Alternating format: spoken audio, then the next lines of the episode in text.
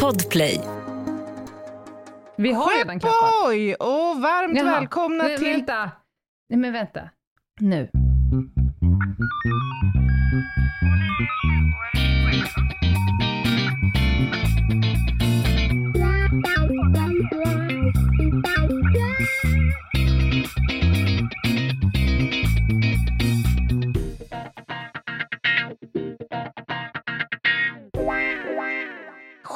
Skepp och varmt välkomna till krimpoddarnas krimpodd över min döda kropp med mig, Anna Jinghede och... Lena Ljungdahl. Och när du sa till mig så här, vad ska vi prata om på torsdag? Jo, jag har det, sa du. Vi ska prata om skepp och hoj. Då har jag i fyra dagar Mhm. gått och varit alltså lite lycklig i onödan, vilket alltid är bra. Men jag har tänkt så här, fan, Anna börjar ändå bli lite så kreativ och skön. Jag trodde du hade släppt ihop ett avsnitt om skepp och hoj, alltså om vi skulle prata om båtar och MC i samma avsnitt. Det hade ju för sig varit klockrent. Och så blev jag jättebesviken när jag öppnade upp manuset och så är det bara båtar. Vi kan Mm. nog få in en och annan hoj i det Det hela. kan vi, en, en vattenhoj kan vi kanske komma ja. in på. Det kan vi. Men, Ja, vi, men ska vi ska- prata om, om, om... Ja, men vänta. Vänta, jag har något jätteviktigt. Jag skulle bara säga en brygga att det kommer massor om sjövett, drunkning, räddningsdykning och så vidare. Men jag kommer nu behöva outa dig, för det som hände innan vi började spela in var att idag hände det. Idag hände någonting stort. Va? Det har hänt? Anna säger så här till mig. Jag har upplevt någonting idag som jag blev Ja. äcklad av. Jag började Just. nästan spy. Ja. Och då, är- 95% av våra lyssnare har ju vid något tillfälle i deras relation till podden ställt frågan, vad blir egentligen Anna Jinghede äcklat av? Man kan ju Mm. inte bajsa i din mun och du hade Mm. bara, ja, absolut, lite fekaliebuffé. Men nu har det hänt. Berätta Ja. gärna för, för svenska folket, vad är det som gör att du alltså, det- får lite kvargningar? Det här är så konstigt, Lena Ljungdahl, för att det kom som en, en överraskning även för mig. Jag blev helt tagen på sängen över detta, denna insikt. Det är så Ja. Att vi har haft eh, utbildning idag, jag och mina kriminalteknikerkollegor, eh, vilket har Mm. inneburit att vi har jobbat med granskning av blodbilder och diskuterat olika kriterier för olika utseenden på blod och sådär. Och vi har även avsatt egna blodbilder för att liksom få ett facit. Så här, hur kan Mm. det se ut om man slår på en blödande källa så här, till exempel? Mm. Och i det här så uppkom ju då diskussioner kring så kallat utandat och frustat blod, som det heter. Mm. Mm. Och då uppstod ju ett dilemma, för det var ju ingen som var superpepp på att själv avsätta Att bita den. sig själv jättehårt i tungan. Precis. Men då har vi Nej. alltså haft nötblod till vårt förfogande idag. Och då kliver Ko- alltså... Koblod. Ja, ja, precis. Ja. Då kliver alltså en av de som håller utbildningen och bara, jaha, ni vill ha en frustad blodbild? Inga problem. Öppna Mm. korken på det lilla kärlet med kallt nötblod, häller det i sin mun, går fram och så frustar han utav helskotta alltså, så att vi får, fina blodbilder. Och jag står alltså och känner hur jag... Så, här, alltså jag fick nästan så här, behärska mig bara för att, att tänka på att inte spy. Ja. Alltså. Ja. Och sen så spottar han ju då ut överflödet i munnen. Sen sköljer han munnen lite snabbt. Och så gör han samma sak igen. Så säger han, nu har jag ju lite rester kvar av blodet i munnen, men nu är det ju mer blandat med min egen saliv. Och då kan vi se här hur det kan se ut. Han var helt obesvärad över liksom faktumet att han stod där med en kvigas eh, liksom, utådrade blod i sin munhåla. Det är så oerhört eh, fantastiskt. Ja, det är så äckligt. Svårt att ta in. Det är så fruktansvärt äckligt. Och det är också så uppfriskande att du på något sätt visar dig ändå som semimänsklig. Ah, gud alltså. Jag, nu Ah. har jag svårt, jag har till och med svårt att tänka på det nu.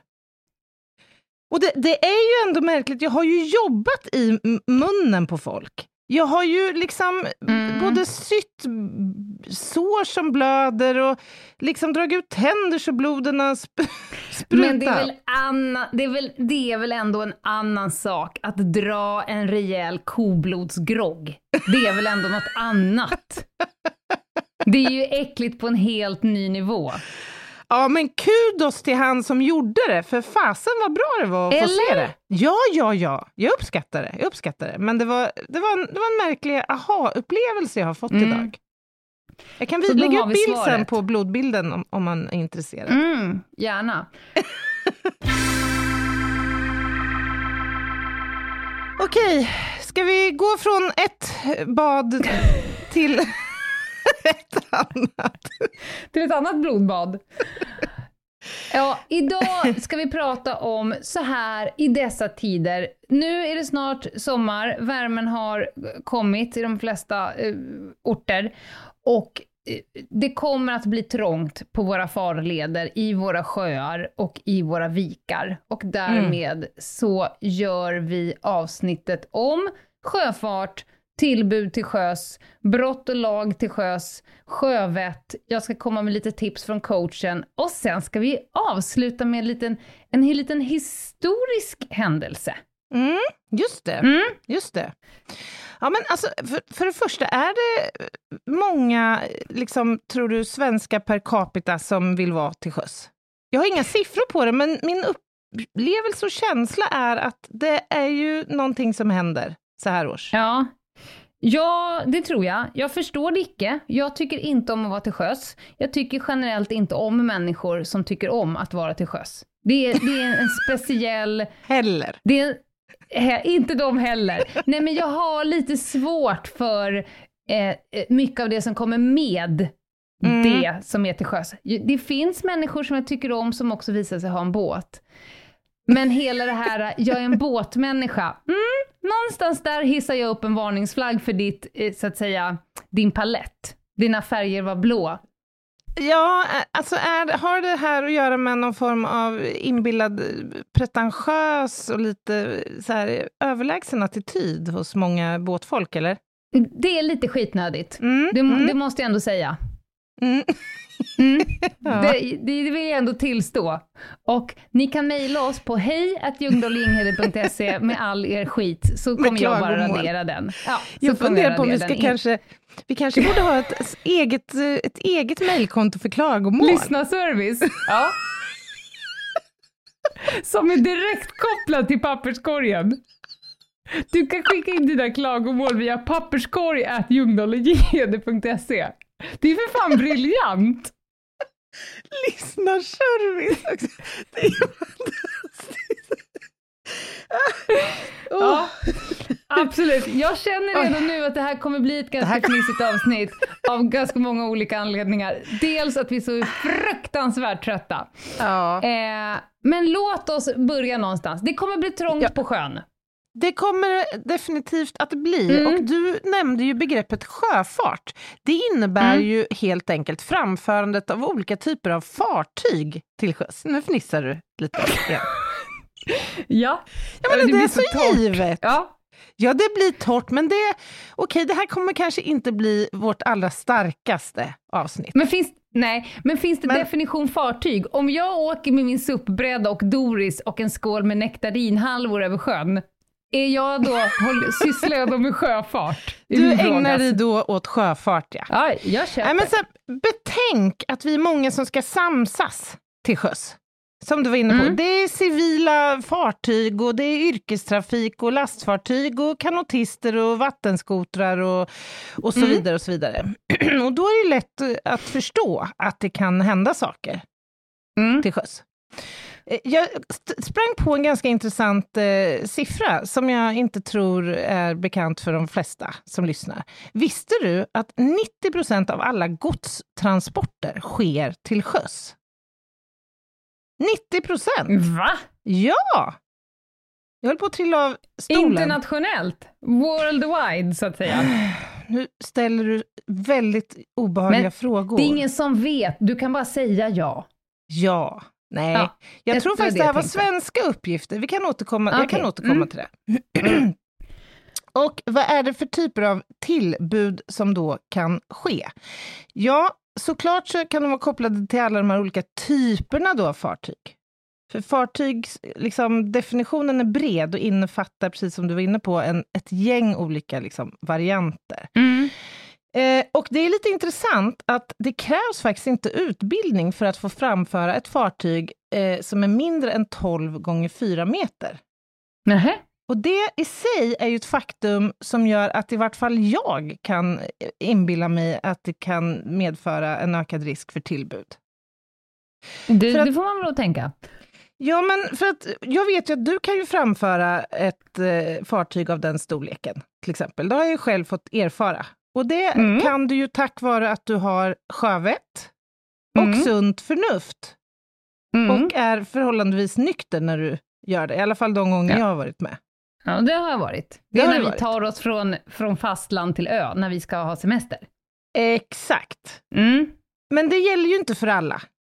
Och just Nej. detta faktum att var och en får framföra då fartyg som ändå då kan vara tämligen stora, kan ju innebära Mm. en ökad risk för, för tillbud. Och det handlar mycket om sunt förnuft, men också utbildning såklart. Man kan ju läsa på själv och förkovra sig om man vill, men också Mm. erfarenhet. Alltså ju mer du har varit till sjöss, desto lättare är det att förstå att du får sjövana och kanske behärskar de här situationerna lite bättre.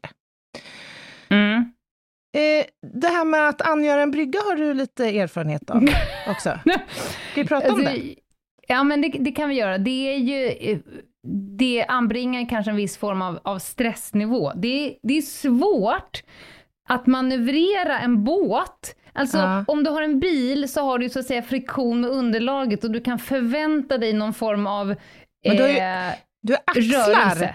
Ja, men du har ju också Exakt. axlar som du vet hur de beter sig Ja, när du roterar ratten. Mm, men, men sjön är så att säga inte still, så det finns olika typer av parametrar man måste ta. Och jag satt ju eh, häromdagen på Capri och bara bevittnade människor som jag tolkar som jävligt vana att angöra en Mhm. brygga. För de rattar in de här jävla båtarna som om det vore en go-kartbil. Mm. Även om det går sjukt. Men jag vill också säga att jag, jag är ganska bra på att angöra brygga. Det vet Mm. ju du eftersom du har Det åkt med vet mig. ju jag. Men, Absolut. men, vill jag säga, det är med en stor portion eh, koncentration. Men jag har också fått angöra en brygga när min mamma hade gjort illa sig och Ja, typ tappat sitt ansikte på en Mm. ö. Så jag hade, i båten hade jag eh, min moder utan plyte, för plytet Ah. låg på golvet i båten. just och att det. de ska försöka angöra en brygga när man också har den stressen. Jag vill Mm. bara säga så här, kudos till alla er som är duktiga på att parkera båtar. Mm, mm. För det heter nämligen så, har jag bestämt nu. Mm, mm, mm. Det är Just det man gör. Det är det man Mm. gör. Ja, ja. Och sen så knyter man snöret fast. Som det heter. Snöret, ja. Med olika typer av egenhändigt Knu- påhittade knutar. knutar. Ja, exakt. Ja, nej, det är Ja. imponerande. Jag vet ju, Mm, känner mycket. till den där händelsen. Jag tänker att du kanske Mm. hade lite hjälp av att du var lite så här i chock, typ. I, Ja. Alla dina sinnen var i höjd Mm. beredskap, så att säga. Jag ska säga så här att själva anläggningen till bryggan, angörandet, det Mm. var fan lika bra som stridsbåt 90 när de Just det. tvärnitar. Alltså jag stannade på en femöring i ren panik, men nästa gång kommer jag också åka rakt igenom bryggan om det där händer igen. Det, det var once in a lifetime kan jag säga. Är det Nu- Nu imponerande. fortsätter vi. Mm. Men du, eh, vill du veta lite grann om eh, fataliteterna till sjöss? Ja, gärna. 2021 så omkom 23 personer till sjöss i fritidsbåtsolyckor. Och eh, både eh, dödstalen till sjöss och till vägs har minskat. Det är ju ändå Mhm. någonting väldigt positivt, kan man tycka. Det tycker jag. Mm. Och av de här 23 som då eh, olyckligtvis dog 2021, så var det 21 i fritidsbåtsolyckor och två i yrkessjöfart. Hur många så var fulla? Eh, det vet jag inte av de här Nej. just det här året, men jag vet att majoriteten av de som omkommer till sjöss är alkoholpåverkade. Det har inte Eh, mig. Däremot så har jag lite data på var det har skett. Mhm. nio stycken i insjöar, fem i skärgården, fyra i hamnmiljö, Mm. fyra vid brygga och tre Mm. vattenskotertillbud. Ja, det lär ju öka, med tanke på att de ökar. Det kan man tänka sig. Samtidigt så kommer en ny lag, eller det har kommit en Mm. ny lag nu i Mm. maj. Vi återkommer till det alldeles Okej. strax. Och vad, kan, vad är det som kan hända? Ja, men naturligtvis kollisioner mellan fartyg eller båtar eller andra typer av eh, farkoster till sjöss. Grundstötningar. Mm. men, men också, när man pratar tillbud så pratar man också om miljötillbud. Alltså utsläpp från båtar och en massa sådana saker. Just det. Men det lä- lägger vi inte så mycket fokus på idag. Det är Transportstyrelsen som har till uppgift att försöka förebygga olyckor till sjöss. Och Svenska haverikommissionen biträder genom att utreda olyckor och tillbud inom den civila sjöfarten. Och det här Mm. innebär att om olyckor sker så ska de anmälas till Transportstyrelsen. Det kan vara bra Mhm. att känna till, kanske. Mm. Varför inträffar olyckor till sjöss då? Ja, vi var inne på det här med sjömanskapet. Det är ett mäktigt ord ändå. Sjömanskap. Är att man är bara dålig på att vara på sjön. Ja, men att, att vara på sjön innebär ju en del eh, ansvarsområden, kan man säga. ja. Ja, men det gör det ju. Alltså, du Ja. är ju skyldig att ha eh, koll på ditt fartyg, att det är trafiksäkert, att du har flytvästar och att om du för med dig på din båt, eh, sköter sig på båten, Ja, sitter absolut. ner, bär flytväst och allt det här. Mm. Och jag sprang på en sammanställning över seglingstillbud för att se eh, lite grann vilken analys man hade gjort där kring orsaker till olyckor. Och man konstaterar där att merparten eh, handlar ju om eh, mänskliga faktorer och det är väl inte så förvånande.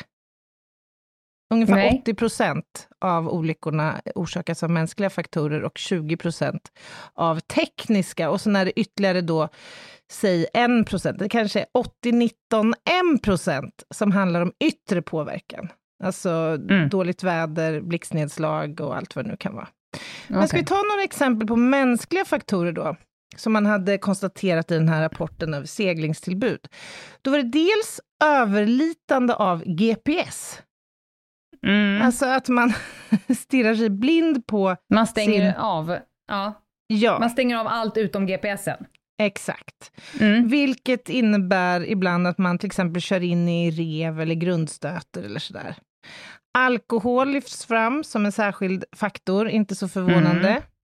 Att känna sig oersättlig.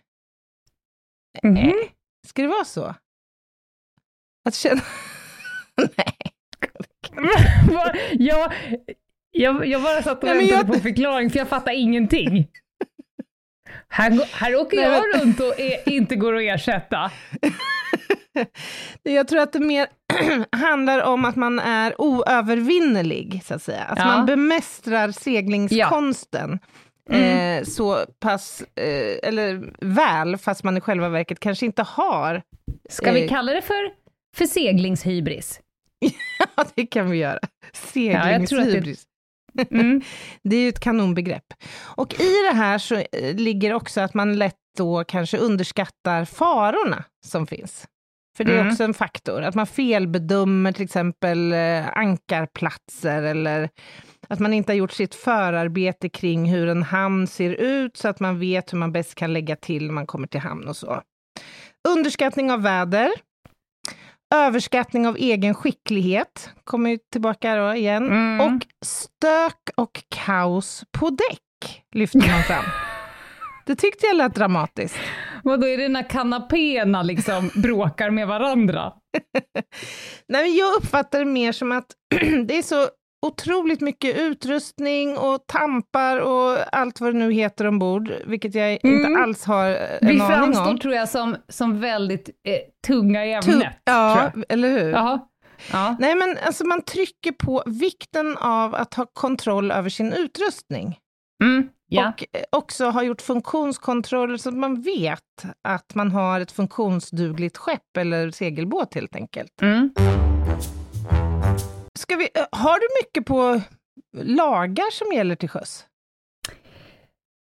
Nej, det kan jag inte påstå av eh, några anledningar. Ett, jag är ganska ointresserad av allting som sker på sjöss. Jag har inte varit sjöpolis. Däremot så vet jag eh, att det är eh, sjöfylleri. Alltså att de allra flesta verkar tro att det är fritt fram att supa på sjön, mm. bara av någon konstig anledning. Och så är det ju icke.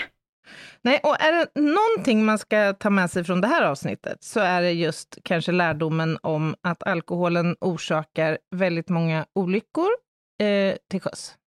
Sex av tio personer som omkommer i fritidsbåtsolyckor har alkohol i kroppen.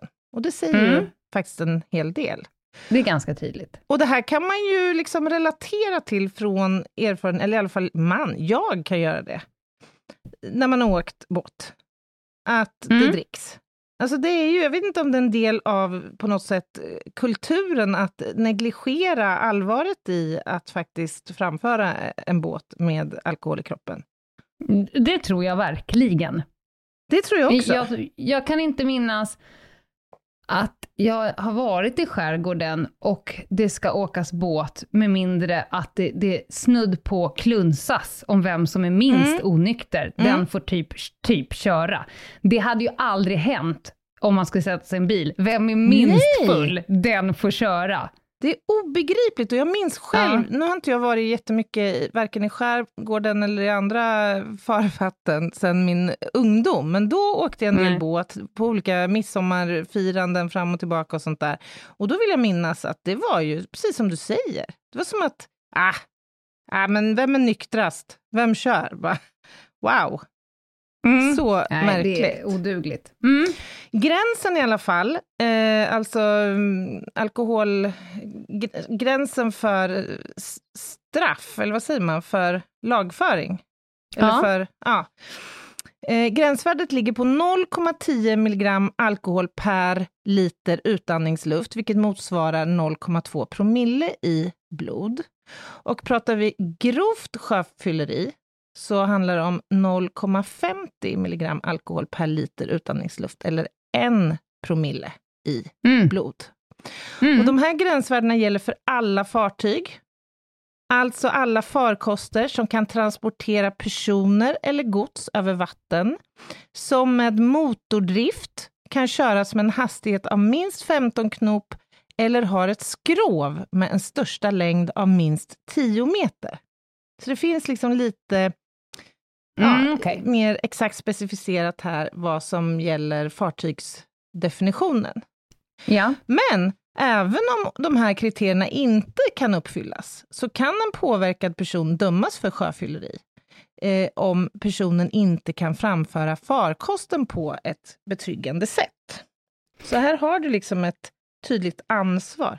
Mm. Vi kan väl dra en jämförelse till till exempel att cykla. Alltså, mm. eh, det finns inte rattfylleri på cykel, men om du inte kan framföra den på betryggande sätt så kommer det bli vårdslöshet i trafik. Du kan få vårdslöshet i trafik även i bil.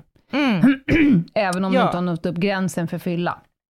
Precis, så att, och på motsvarande sätt så gäller ju att det inte bara den som, som har att liksom framföra fartyget då som kan ställas till ansvar utan även en person som har något slags, eh, eh, någon slags betydelse för säkerheten ombord kan göra sig skyldig till brott. Till exempel en person som har till uppgift att navigera och som är alkoholpåverkad.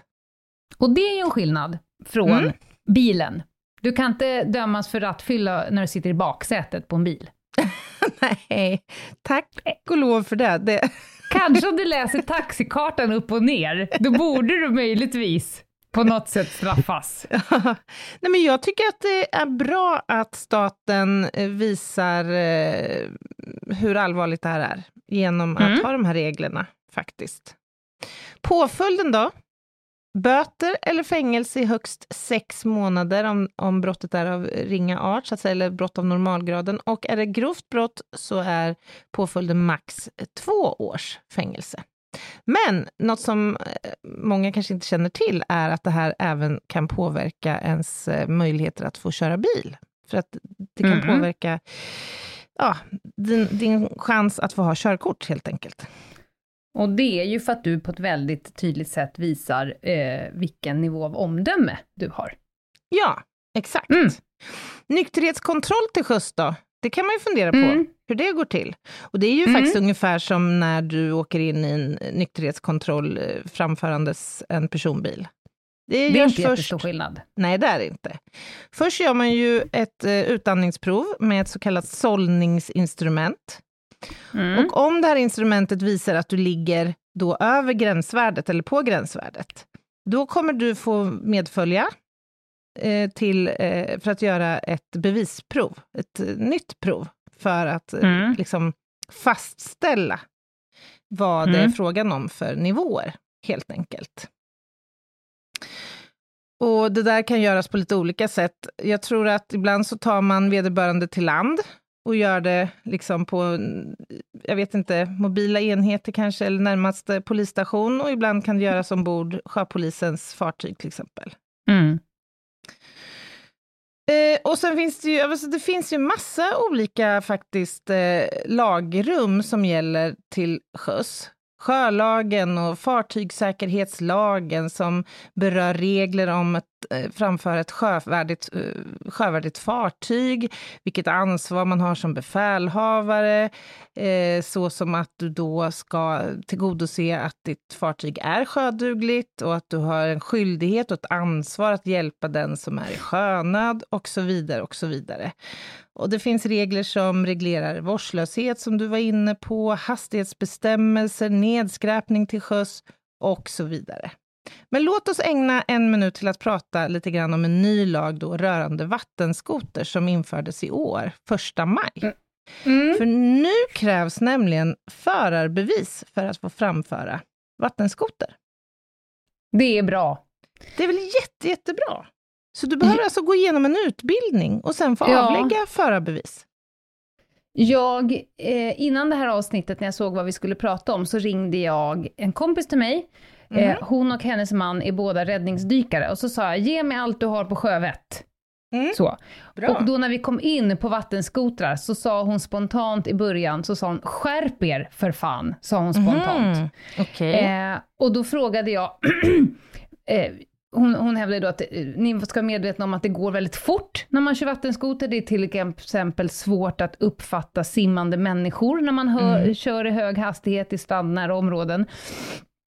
Eh, och att det är väldigt många som överskattar sin förmåga. Och då frågade jag kanske lite provokativt, är det så att samma människor som tycker om att köra vattenskoter är också samma människor som har ganska lätt att överskatta sin förmåga generellt? Mm. Och då sa hon, det var du som sa det, inte jag, utan jag lägger mig inte i det. Jag bara konstaterar att vi är på olyckor där vattenskoterförare överskattar sin förmåga. Kanske korrelerar det till att man lätt kommer upp i höga hastigheter, tänker jag. Och det kanske man inte är beredd på.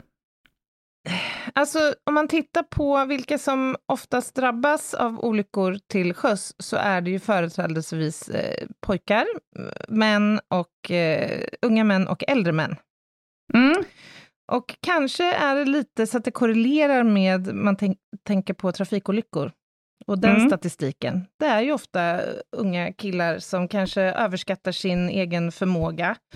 Och Mm. inte, alltså när jag själv har legat på härliga skär i, ute i skärgården och sådär och betraktat detta vansinne på avstånd så kan jag bara konstatera att de flesta, som, som, så som jag uppfattar det, är ju också kicksökare. Alltså man kör ju Mm. otroligt hetsigt, snabbt Ja. ofta och galet.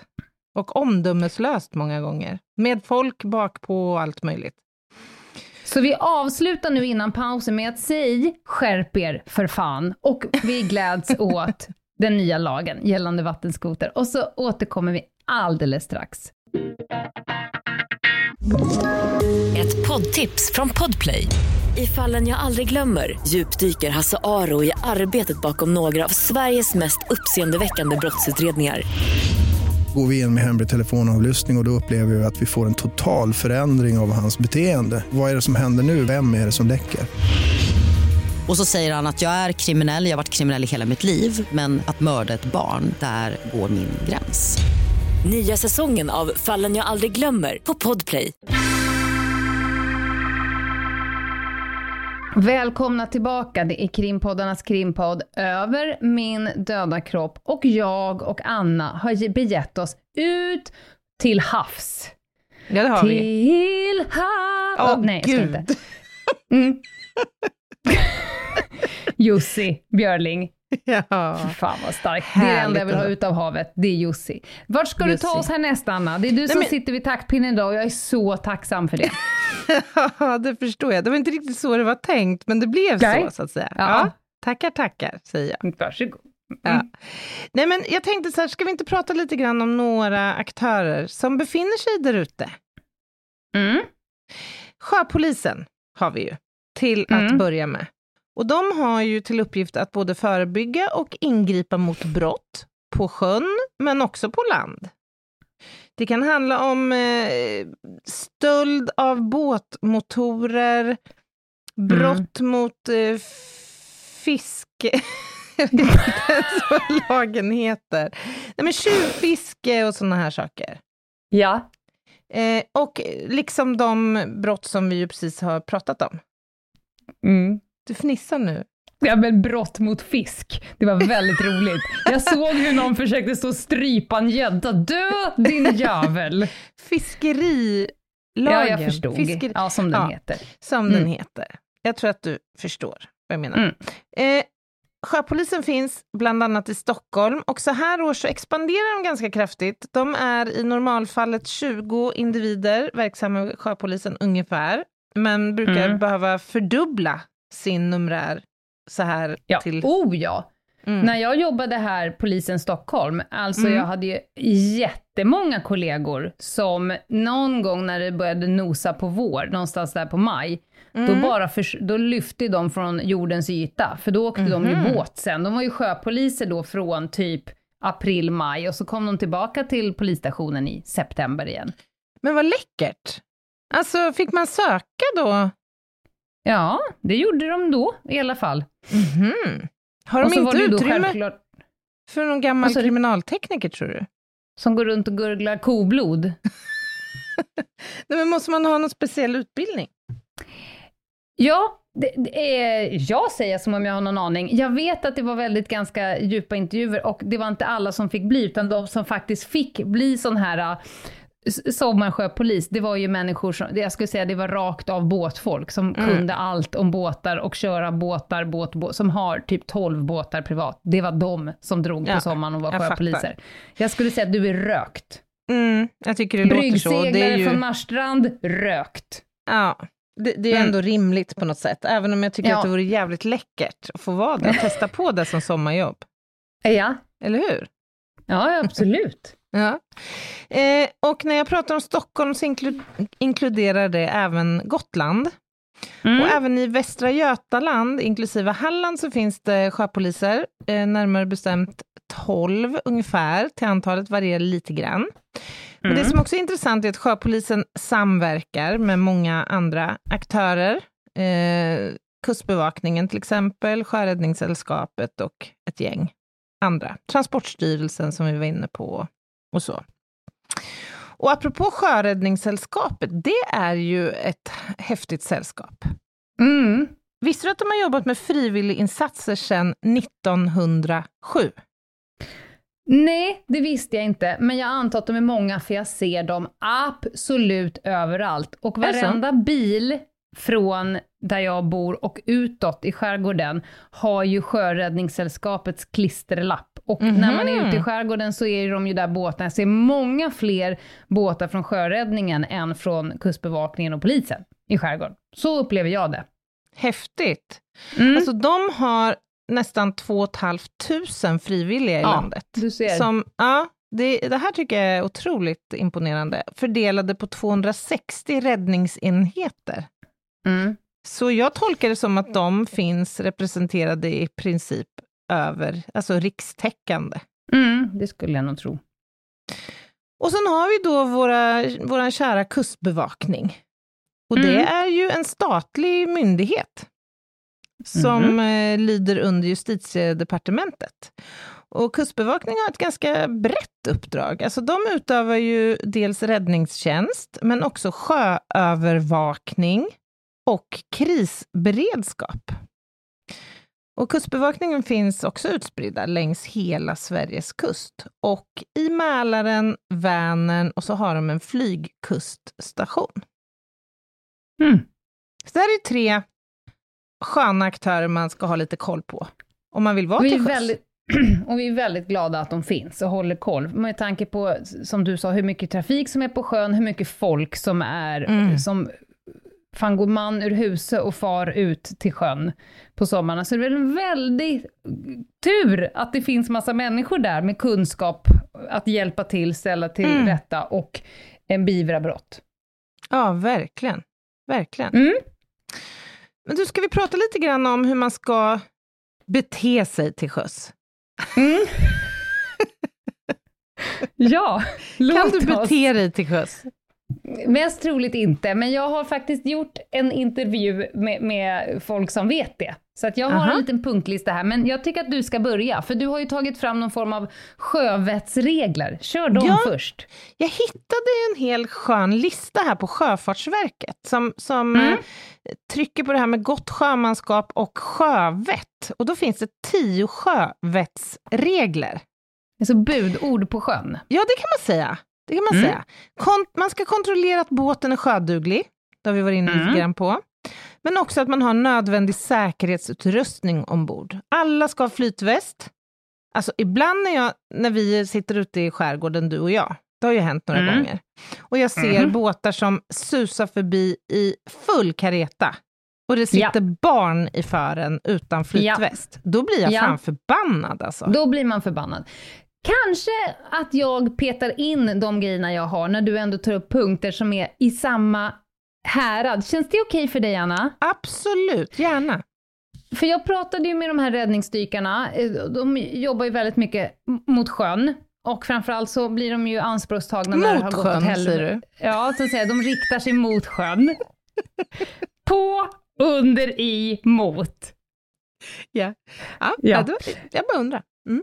Och framförallt så blir de anspråkstagna när det skiter sig. När det är någon Mm. som ska plockas upp under ytan och uppåt. Men var är de här verksamma, sa du det? Eh, eh, Räddningstjänsten, de är räddningsdykare. Räddningstjänsten, okej. Mm. Ja. Räddningsdykare slash brandmän. Mm, coolt Och när du ändå. kom Jobb. in på, på, ja men exakt, eh, de har ju en sjukt snabb inställelsetid. Så att om någon har ramlat över bord, då ska ju de typ vara i plurret strax därefter för att dra upp den här personen innan den dör. Skit, de är snabbast av alla. Eh, Jag skulle säga så här, när vi kom till flytväst så sa de så här, ett, sätt på den. Två, det duger inte att sätta på sig en flytväst som är från 20 till 40 kilo Nej. från 1860. Den Just ska det. Mm. ha flytkraft som är anpassad för dig och den ska vara fräsch. Gärna såna här orangea med flytkrage Mm. på barn eller på andra människor som du vet slår i huvudet, då vill du att någonting guppar upp huvudet. Där Ja. var de ganska tydliga. Flytväst på. Men det är ju sånt vansinne. Hur kan man sätta liksom det mest sårbara, djur och barn, i en båt utan flytväst? Nej, Mm. det borde vara särskilt eh, stränga straff för de människorna. Ja, verkligen. Mm. Tala också alltid om ditt färdmål för någon och studera noga din färdväg. Mm. Ha kunskap om vilka regler som gäller till sjöss. Mm. Överlasta inte båten och sitt i båten. Mm. Vi vill Där inte ha kaos ombord. När vi vill inte ha kaos och stök ombord, där berättade eh, Malin, min kompis, att när de släpar upp folk som ligger på botten, eh, Mm. så är det inte alls ovanligt att de har byxorna nere vid fötterna. De har alltså stått, Ja. ställt sig upp i båten, dragit ner byxorna, ska För kissa, pinka. är fulla, faller över, eh, över bord och drunknar. Mm. Det är kan- supervanligt. Jag identifierade en eh, person en gång som Mm. var, eh, hade den här, det här utförandet på sina kläder, så att säga. Ja. Mm. Och hade sannolikt snurrat in sig i ankarkättingen, Toppen. för den var lindad kring foten. Mm. Personen att- hade ja. skaffat sig en ståplats i Nybroviken. Mm. Mm. Mm. Man kan ju fundera på om det fanns en tanke med att göra så att jag lindar in foten här i tunga ankaret så står jag stadigt här medan jag står och balanserar på relingen för att hissa ut Roffe över kanten. Ja. ja. Ja, Och sen är Roffe inte tillräckligt lång så jag måste luta mig lite fram och därmed är det också där kört. kör det ihop sig. Mm. Ja. Ja, försiktighet med fart och alltid hålla god eh, uppsikt. Mm. Lyssna på väderleksrapporten. Mm. Om båt kantrar men flyter, stanna kvar vid den, för man är säkrare där än om man försöker simma mot land. Och allra Mm. helst om du inte bär flytväst. Och sen har vi också en regel kring eh, nedskräpning. Skräpa inte ner och ta hand om ditt skräp. Och sen så trycker man också på, när man pratar om det här med eh, gott sjömanskap och sjövett, eh, om vikten att lära sig väjningsreglerna till sjöss, till exempel, och det Mm. verkar ju vettigt. Och vad jag förstår så är det i princip högerregeln som gäller till sjöss. Mm. Eh, och sen jag kan inte säga lite- någonting, för jag har ingen aning. Men det Nej. känns också lite som att när det kommer Viking Cinderella så ska du nog inte tänka att den kommer vika undan din lilla motorbåt med Nej men aktersnurra. precis. Och jag skulle ju säga det att det finns ju olika liksom, specialsituationer. Till exempel så Ja. motorbåtar ska ju väja för segelbåtar till exempel. Ja, om de Mm. inte går för motor, för då är, är man jämbördiga så att säga. Men Ja. om en segelbåt båt går för segel så ska man göra det. Mm. Eh, så att, ja, det, men väjningsregler är väl bra att känna till och även trafikmärken, höll jag på att säga. Jag kommer inte på vad det heter nu. Stopplikt. Nej, men vad heter det? Sjösymboler. Nej, Ja, men vad heter Där har du det? den. Det är precis mig. vad det heter. Jag bara fyller på här nu med lite sjövett. Jag ska se om hon sa någonting annat. Eh, flytvästarna, om du har de här nya som ser lite ut som en korv som du bara hänger över, då ska du faktiskt kontrollera patron. Det är lite som att ha en Mm. hövdinghjälm. Att kontrollera att patronen är schysst utbytt, att det liksom, Mm, mm. Om, det, om den är bra, då funkar de flytvästarna utmärkt.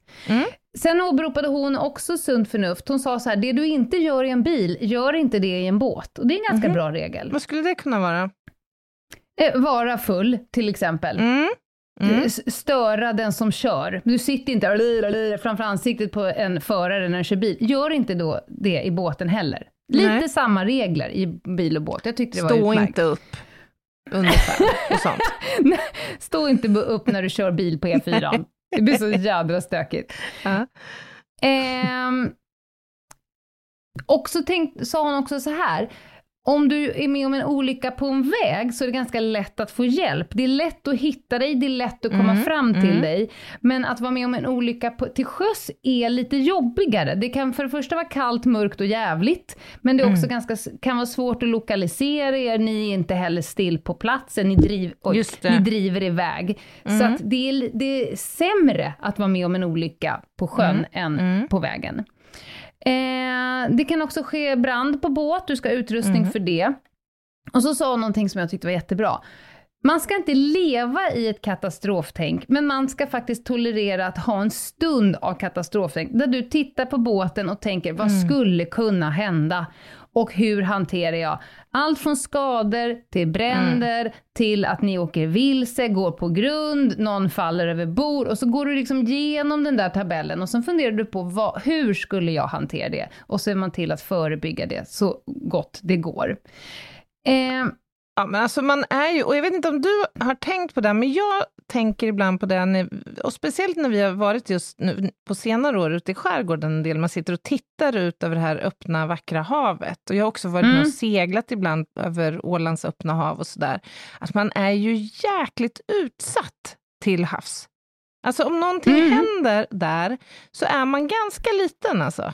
Om du får ett motorhaveri eller som du säger, det börjar brinna eller du grundstöter eller vad det nu än må vara. Någon blir sjuk, ett akut sjukdomsfall Mm. ombord. Du är ganska liten. I alla Ja, fall om det- du befinner dig långt från land. Verkligen, och då kommer vi in på sista punkten och då var det så här, se till att ha en fullgod kommunikationsutrustning Mm. med er. Eh, och du var ju, sa ju innan det att man också ska meddela vart man är på väg, ungefär när man tänkt komma fram. Men att ha en kommunikationsutrustning som funkar i vattentät Mm. eh, påse är superviktigt.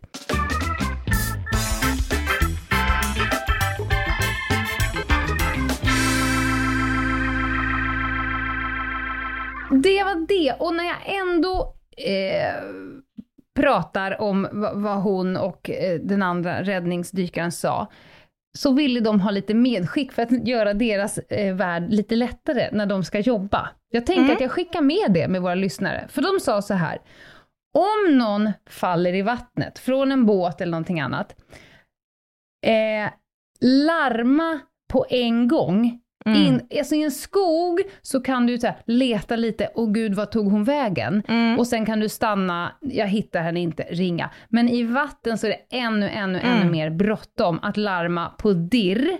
Och de är jättesnabba ut, det är deras jobb att vara snabbt i vattnet och Mm. börja söka. Och de vill vara där, gärna innan det är för sent.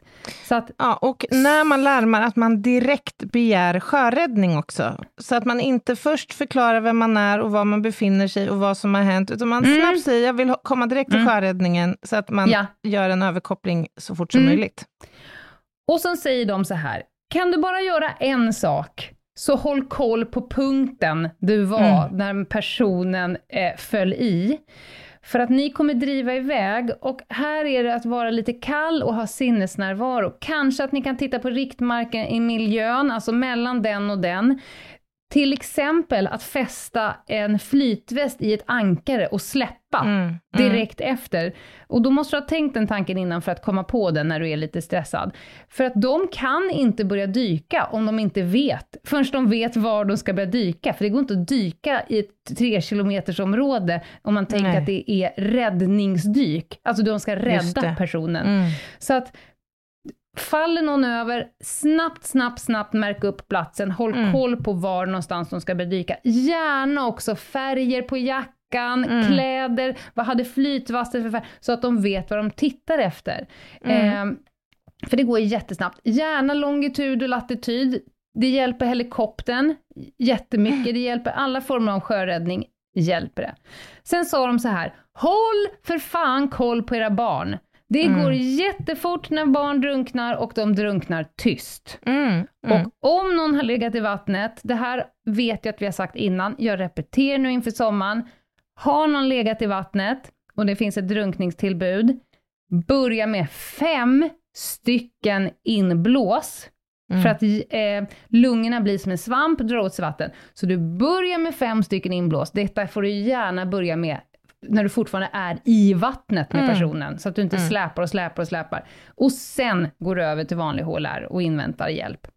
Mm. Och det här, här vill jag passa på att skicka med det till er som vistas mycket till sjöss. Det finns jättebra utbildningar för livräddning eh, i vatten. Och det är ju lite annorlunda än när du har ett fast underlag och du befinner dig på liksom fast eh, Mm. land helt enkelt. Mm. Så varför inte gå en sån? I vart fall läs på och lär dig tekniken för eh, HLR. Mycket bra. Jag vet också att du har förberett lite någon form av checklista vad man ska göra om man hamnar i sjönöd.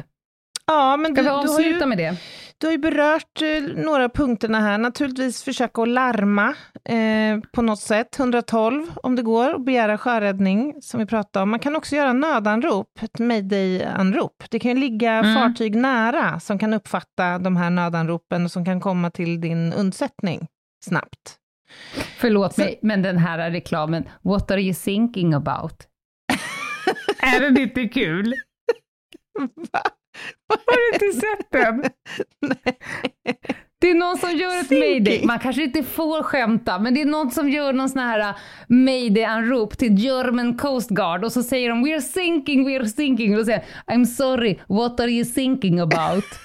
Det är väldigt kul. Ni får söka på YouTube, “What are you thinking about?” Ja, förlåt. Man kanske inte ens får skämta, men nu gjorde jag det. Ja, nu blev det bara så. Nu blev det Nej, men- så. Nödanrop om man kan.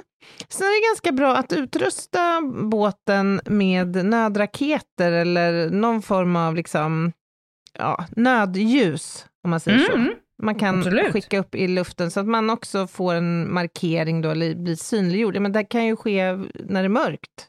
Och då är Mm. det ännu svårare, både från luft och till eh, vatten, att faktiskt få Mm. eh, syn på en. Eh, och det finns ju sån här handbloss eh, och allt möjligt som skickar ut rök. Och det allra viktigaste för att förebygga detta, det har vi tjatat om nu, men det handlar om flytvästen. Det handlar om att avstå från eh, alkoholen och det handlar om, som du också nämnde, vet jag, att vattensäkra ens mobil, så att man också kan försätta sig i Larma. kontakt Mm. med eh, sjöräddningen det, eller polisen om det skulle behövas. Jaha, Lena. Får jag avsluta med att Ljungdahl. säga, när hon hade dragit hela sin lista så sa hon så här, och njut. Njut av Mm. sommaren, njut av att vara på sjön, njut av våra skärgårdar runt om hela kustremsan, för det är fantastiskt. Så gör det, men tänk efter före. Det var Mm. medskicket på slutet. Bra medskick. Vi skulle ju nu på slutet, vi sa ju i början att, att det var dags för lite historiskt, men vi har ju insett nu här på klockan att det här hinns inte med. Vi, vi hade mer på ämnet än vad vi trodde. Det här var inte ämnet där vi stod som absolut stadigast i galoscherna. Men vi, vi är också oerhört professionella och pedagogiska, så vi fick på något sätt ihop ett gäng minuter ändå. Men vi tänkte dra Titanic, Mm, mm. lite Precis, vad som hur löser vi hände. det här? Jag tänker att vi gör det kanske nästa vecka. Ja. Ett historiskt, och varför jag tycker det är extra roligt är för att jag har en gudson som har Mm. ägnat kanske åtta av sina år åt att fullständigt nörda ner sig i Titanic. Så jag har fått en jävligt härlig eh, fun facts-lista. Eh, alltså vi pratar, vi pratar dygnet runt eh, intresse för Titanic i väldigt många år. Mm, Och du ska göra en, en historisk exposé och vi ska prata lite om det, eh, Mm. den händelsen. Kanske att den blir nästa vecka, kanske att den blir någon annan gång. Men den hinns Mm. inte med just nu, för jag har faktiskt förberett en rövhatt. Just det. Då ska den prioriteras, tycker jag. Ja. Men innan jag släpper fram dig på Rövhattsarenan, Lena, Mm. så får vi allt bjussa på lite samhällsinfo. Vi har ju ett Instagramkonto som heter Ljungdahl och Ginghede. Och vi har ju en eh, mail man kan skriva till oss på. Den heter hej och ginghede.se. Och vad har vi mer? En hemsida. Vi har en hemsida som heter ljungdahl och ginghede.se. Och vi har snart en klagomålsmail också, som heter lyssnarservice at Ja. ljungdahlochginghede.se. ja, och den är direkt kopplad till papperskorgen, så det är inga Ja. som helst problem. Det är bara att Nej. kötta på. Mm -mm. Men nu Lena, Lenas rövhatt. Jag säger så här, Anna, idag får du spänna fast dig. För att Mhm. det, det är tur, vi kanske ska vänta någon vecka eller så med att öppna klagomuren. Jaha. För att jag känner att jag, kommer få olika typer av förbund på mig Åh. den här veckan. Men det måste ändå ske. Jag, jag du kände att du behövde men- toppa upp just det här avsnittet med Ja. ett, ja, så lågvatten, man ett lågvattenmärke. Ja, men du vet ju det gamla uttrycket. När du står i spenaten, fortsätt hoppa. Ja, just det. Som det heter. Hoppsan. Som det heter, ja. Mm. Ja. Nej, men och, och jag tyckte också, för du har också gett mig ett litet köttben. Helt omedvetet Jaha. har du gett mig ett litet köttben i det här avsnittet. Jaså? För du sa så här, sjöpolis hade ju varit kul att testa på. Tror att man behöver en utbildning? N- lite kan jag väl få vara med? Alltså det hade ju varit, mm. jag som individ hade tyckt att det var jätteroligt att få jobba som sjöpolis och därmed borde också jag ha rätten att vara det. Jag skönjde. Jag skönjde en sån del av det. Jag förstår det. Jag hade också tyckt det var kul, men jag hade också tänkt så här att om de tar in mig så är de också helt dumma i huvudet, för jag kan ju Just inte det. ticka i någon av Det kriterierna. kanske inte är så många andra som hade uppskattat det, så att säga. Nej, Mer än jag exakt, själv. exakt. Ja. Exakt. Och jag har i veckan åkt ganska mycket bil. Mm, det vet jag, ja. I Mm. måndags tur och tur till Falun, idag har jag varit tur och tur till Finspång. Jag åker mycket bil och för att utbilda kommuner här och var. Mm, mm. Och då har jag reflekterat över en sak som är, eh, det är inte en, en enskild händelse, utan jag blir förundrad när människor blir anställda för ett jobb Mm. som kanske har en enskild, den enskilt viktigaste egenskapen för en person anställd inom det här.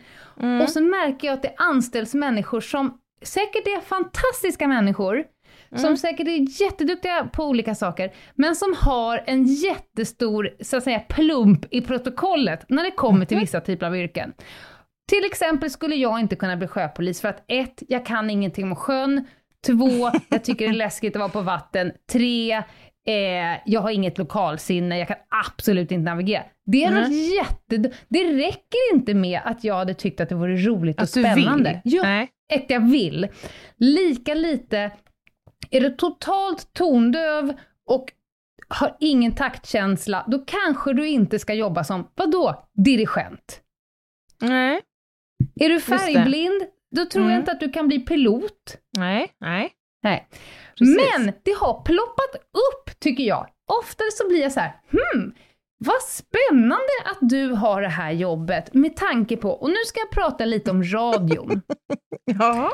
Och nu börjar du svettas, för att jag har skickat små ljudklipp till dig i veckan, där jag undrar, Ah. varför jobbar den här människan på radion? Jag fattar När, nu. ja, du fattar Ja. nu. Ja. Men varför anställer radion människor med talfel? Alltså, om du tänker så här, vilket instrument använder man när man jobbar på radio? Säg det Anna, vilket instrument använder du som Mm, ja, mest? Det är, ju, det är ju rösten då, då. Munnen. Det är rösten. Rösten. Och om du inte kan prata, om ingen har sagt till dig Mm. genom livet att du kan inte prata på ett sätt som gör att man förstår vad du säger, eller Mm. att man kan lyssna på dig med lätthet utan eh, irritation, då kanske inte radion är din grej. Men- Så tänker jag. Jag, Ja, men är jag- helt ute och... Nej, alltså jag, jag köper det här, för att ibland så kan det ju bli störande när personen inte pratar tillräckligt bra så att man uppfattar liksom budskapet i en ny, nyhetssändning. Ja. Det är ju ändå, det är ändå kärnfrågan.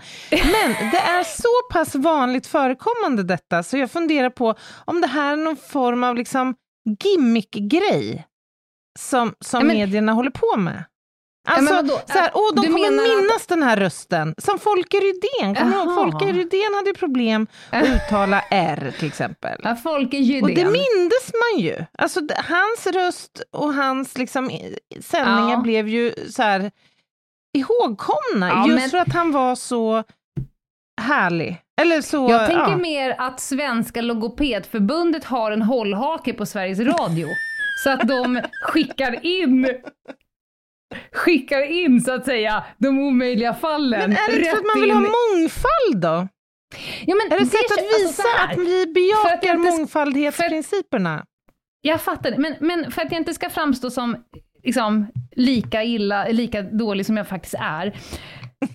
Jag köper, alltså jag reflekterar väldigt ofta att oj oj oj vad mycket människor med väldigt grova dialekter de kan lyckas få in i, i Mm, tv-rutan. Ja, precis, för det är inte heller Toppen. ovanligt. Mm. Toppen tänker jag, representativt. Mm. Alla hudfärger, alla bakgrunder, människor som precis har lärt sig svenska. Toppen, in med dem. Mm. Mm. Det är ändå någonting så här, det representerar olika delar. Men måste människor med talfel representeras i radion?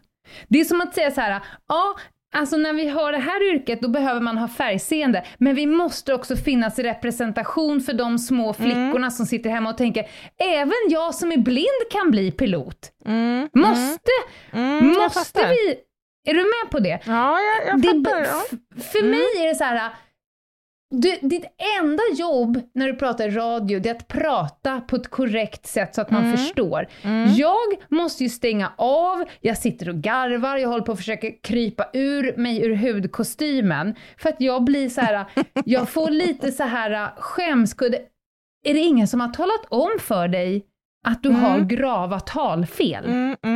Mm, mm. Du Men, kan vara ja, en och- fantastisk person, men kanske skulle du ha jobbat med journalistik på ett sätt där inte talet är din Mm. viktigaste grej. Mm. Du kan väl vara en skribent, du kan vara fotograf, du kan vara fan som helst. Men, men på radio! Ska Men du inte, framförallt- det är som att jag skulle på, välja så här, om jag skulle säga till Anna, ska vi inte börja med en podcast? Då hade man ju uppskattat om du så här, ja fast Lena, man hör ju knappt vad du säger. Du läspar jätte, jättemycket. Det, det skulle ju jag uppskatta. Ja, men, och jag tänker i ett annat perspektiv här, lite det som jag tror jag vidrörde inledningsvis, att det blir lite kontraproduktivt. Alltså om man nu ska Ja. koka ner en nyhetssändning till fyra minuter och det mest centrala ska framgå och nå ut till det svenska folket, så Ja. är det ju ändå någon slags underförstådd liksom, vits med att det då levereras med lite svung. Och, och, Mm. och det är att skjuta lite över målet då, att, att eh, skicka fram någon då som inte gör sig förstådd helt enkelt. Nej, nej men jag vill verkligen Om det nu är så vill- illa, det vet jag Ja, inte. men, nej, men det är kanske. såklart att man kan göra sig förstådd, men det är som att säga att är här, jag ser ju på ett öga, så jag kan väl lika gärna köra det här flygplanet, jag kommer ju fram. alltså, det, må, det finns ju människor med två ögon, tänker jag då, ja, ja. som kanske hade varit bättre. Jag försöker inte göra mig lustig över människor med talfel. Jag tycker Nej. synd om människor som Ja. inte har fått, fått, fått liksom ordning på, på grejerna. Men jag, men jag tycker att det är ett rövhatt. Varför anställer man människor? Du kan ju inte bli mattelärare om du inte är duktig på matematik, Nej, pedagogik. Just det. Det kan ju inte vara en mänsklig rättighet att få välja vilket yrke jag vill för att jag tycker det är kul. Jag kan ju inte välja att bli sjöpolis för att jag tycker det verkar härligt. Och så får ni bara bortse från att jag inte kan simma för att jag inte Det- har några armar och ben. Och, och här vill jag ändå vara tydlig med att betona att det är ju inte liksom den som har talfelet som, som vi ska rikta rövhatten till. Inte. Utan det är ju naturligtvis de som anställer. Alltså att man absolut söker vilka inte. jobb man vill, det står ju var och en fritt. Ja. Men det handlar ju om att välja den som kanske är mest lämpad för uppdraget. Ja, till de, till de personerna säger jag bara good for you Mm, att du fick mm. ditt drömjobb. Mm. Bad for me som behöver lyssna på dig. Men, men eh, jag kan ju välja att byta kanal, det fattar jag med. Jag har bytt Ja. kanal, jag har fan fått artros i tummen av alla gånger jag har bytt kanal. Men men jag undrar så här, jag skulle vilja skicka rövhatteriet till fenomenet att Mm. inte anställa, det är lite touchade mitt andra rövhatteri som jag varit inne på ett par gånger, you had one fucking job. Mm, mm, Gör då det, var bra Mm. på ditt jobb. Mm, mm. Eh, och, och då skulle jag vilja säga så här, fundera på vad som är uspen med den här yrkesutövningen och så fundera på var någonstans behöver vi dra gränsen? Och då skulle jag säga att vid e- ett talande yrke så skulle jag dra gränsen vid att ha ett fungerande tal. Mm, Vid ett mm. seende yrke så skulle jag föreslå att man kan se. Det finns ju jättemånga yrken där man inte behöver se någonting alls. Ja. Andrea Bocelli kan ju inte Mm. bli diskad som sångare för att han är blind. Men han kanske inte ska vara stridspilot. Och det är Nej. där jag någonstans vill dra strecket i samhällsutvecklingen. Vi ska inte göra Andrea Bocelli till stridspilot. Nej, det är en Nej. bra... Det Ändå är ett rövhatteri. Mm, Mm. mm, mm, mm, Tack för jag mig. fattar. Hej! Ja, och jag ska genast här starta upp kontot. Skämskudde at Ljungdahl och Ginghede. Kan du starta ett som heter förmildrande omständigheter at Ljungdahl och Ginghede.se? Jag, heta. jag, backar, jag backar inte Lena at Ljungdahl och Ginghede.se. Eller jag backar Lena. Åh, gud, jag blir helt svettig av den här rövhatten. Ja, men jag men, står för det här. så, men i sak så håller jag med dig faktiskt. Jag tycker Ja. att du kommer med, du levererar ändå viktiga och bra argument här för en sak. Även om du tycker också att det är jätte, jättejobbigt. Jag tycker det är oerhört jobbigt. Ja. Kan vi sluta Ja, podda men- nu bara? Nu slutar vi podda. Nu har Ja. vi dragit över tiden igen, men vi bjuder på det. Hörni, simma lugnt, ta på er flytväst, sup inte på sjön och så hörs vi på måndag. Det gör vi.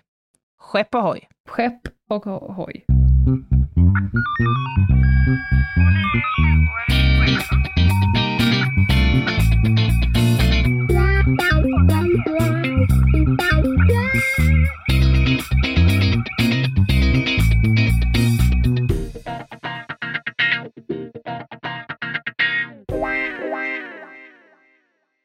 Ett poddtips från Podplay.